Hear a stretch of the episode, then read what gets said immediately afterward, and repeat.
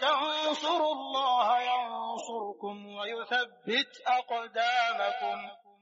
السلام عليكم ورحمة الله وبركاته.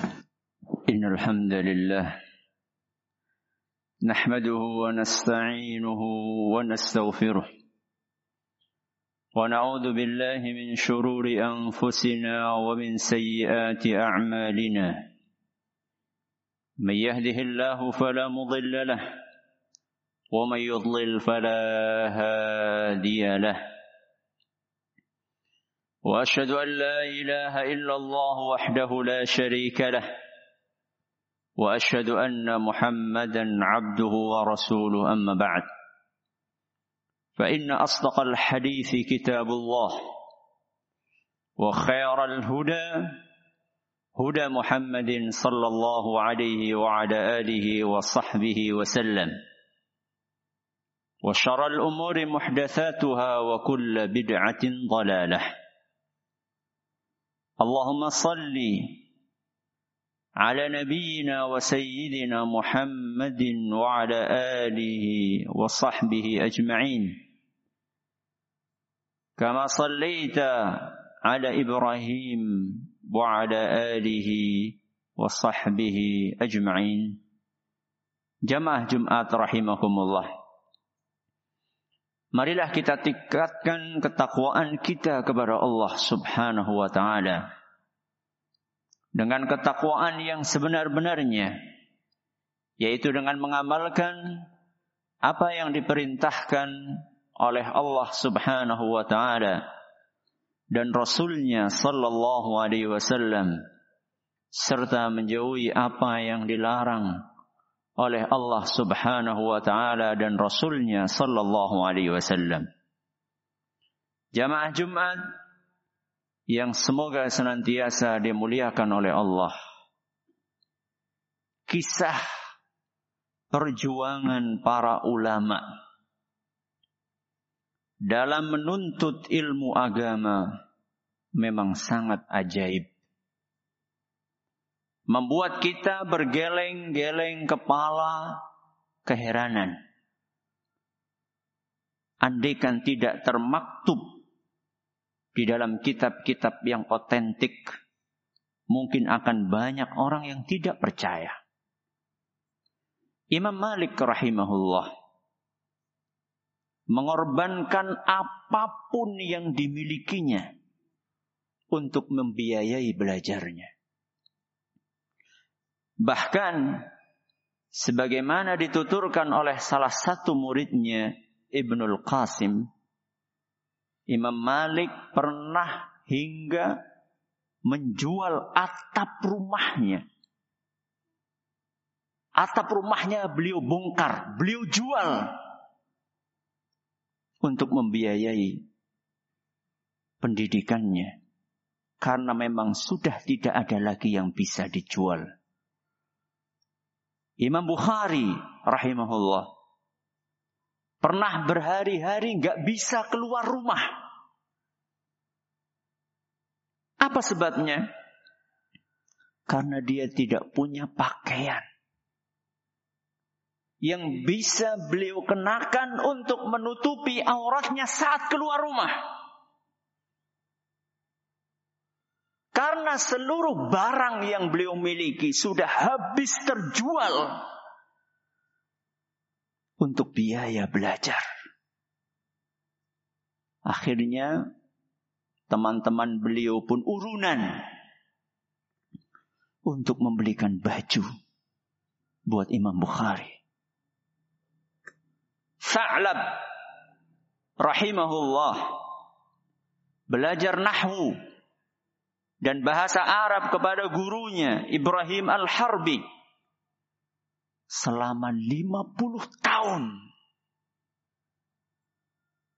Dan dalam kurun waktu yang begitu panjang itu tidak pernah Sa'lab absen walaupun hanya satu kali pun.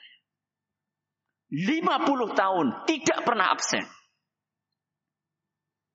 Muhammad bin Yunus terkenal dengan kegigihannya dalam belajar. di kota Basrah saja beliau berguru belajar kepada 1186 guru tanpa kenal lelah, tanpa kenal bosan, tanpa malu, dan tanpa gengsi. Ikrimah rahimahullah. Bercerita bahwa kedua kakinya diikat dengan tali oleh gurunya. Ibnu Abbas radhiyallahu anhu ketika belajar Al-Quran dan hadis kepada beliau hingga akhirnya melalui proses yang panjang di kemudian hari Ikrimah menjadi ulama besar. Kaum muslimin yang kami hormati. Abu Hatim rahimahullah.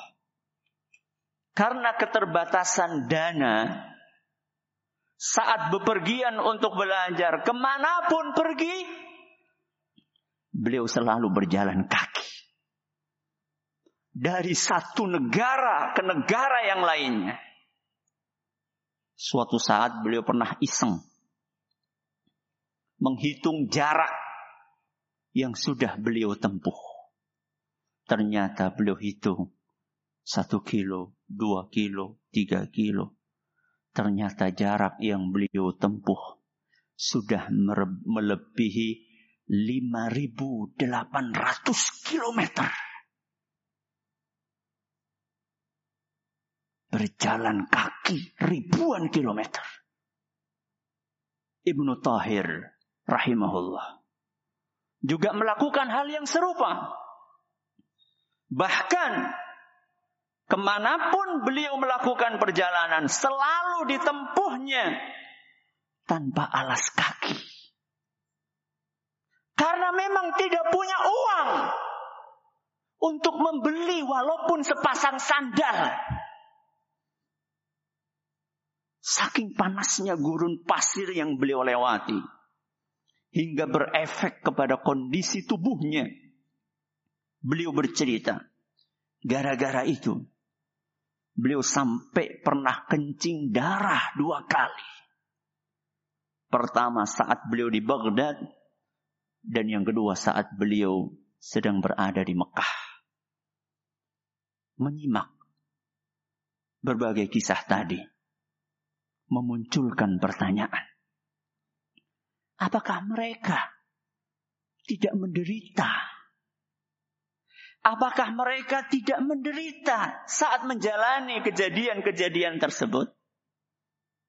Jawabannya, secara fisik mungkin terasa sakit. Namun penderitaan fisik tadi terkalahkan dengan perasaan nikmat di dalam hati. Ya, mereka menikmati proses tersebut sehingga penderitaan fisik pun terabaikan. Aku qawli hadha wa astaghfirullah li wa lakum wa li jami'il muslimina wal muslimat fastaghfiruhu innahu huwal ghafurur rahim.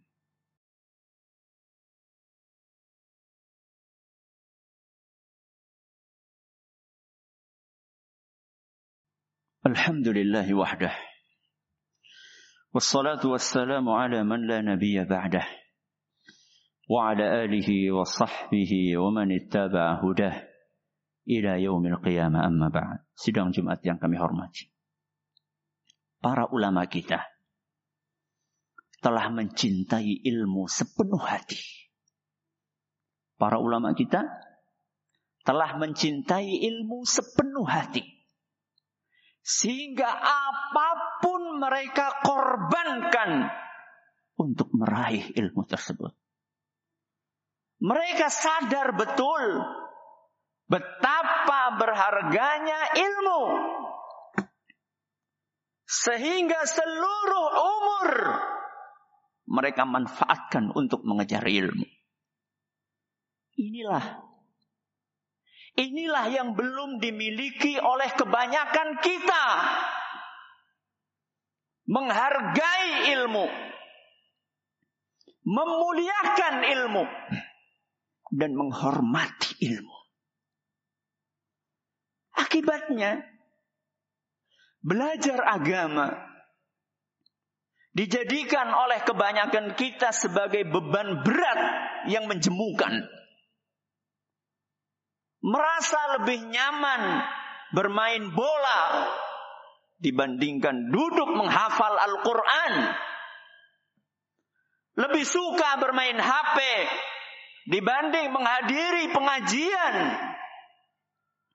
Membaca komik dan buku cerita berjam-jam tahan. Namun membaca baru beberapa halaman Al-Quran sudah terasa bosan. Dari sini kita bisa memahami Mengapa para ulama kita dahulu mengarahkan murid-muridnya untuk belajar adab terlebih dahulu sebelum belajar ilmu? Sebab yang perlu dipersiapkan pertama kali adalah hati kita. Mengisinya dengan keikhlasan, dengan kesabaran, dengan kecintaan, dengan penghormatan terhadap ilmu. Sehingga saat memasuki tahapan belajar, wadah, wadah yang digunakan untuk menampung ilmu itu sudah siap.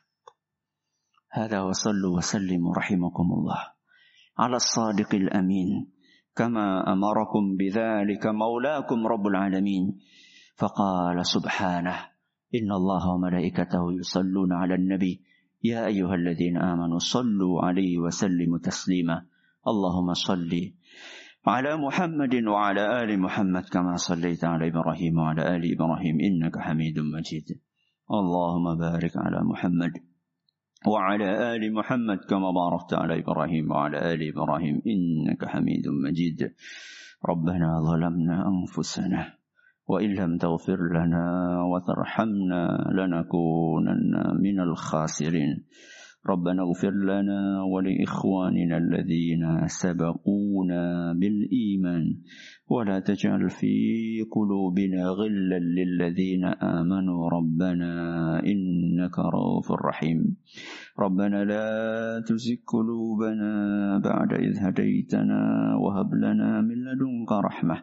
إنك أنت الوهاب.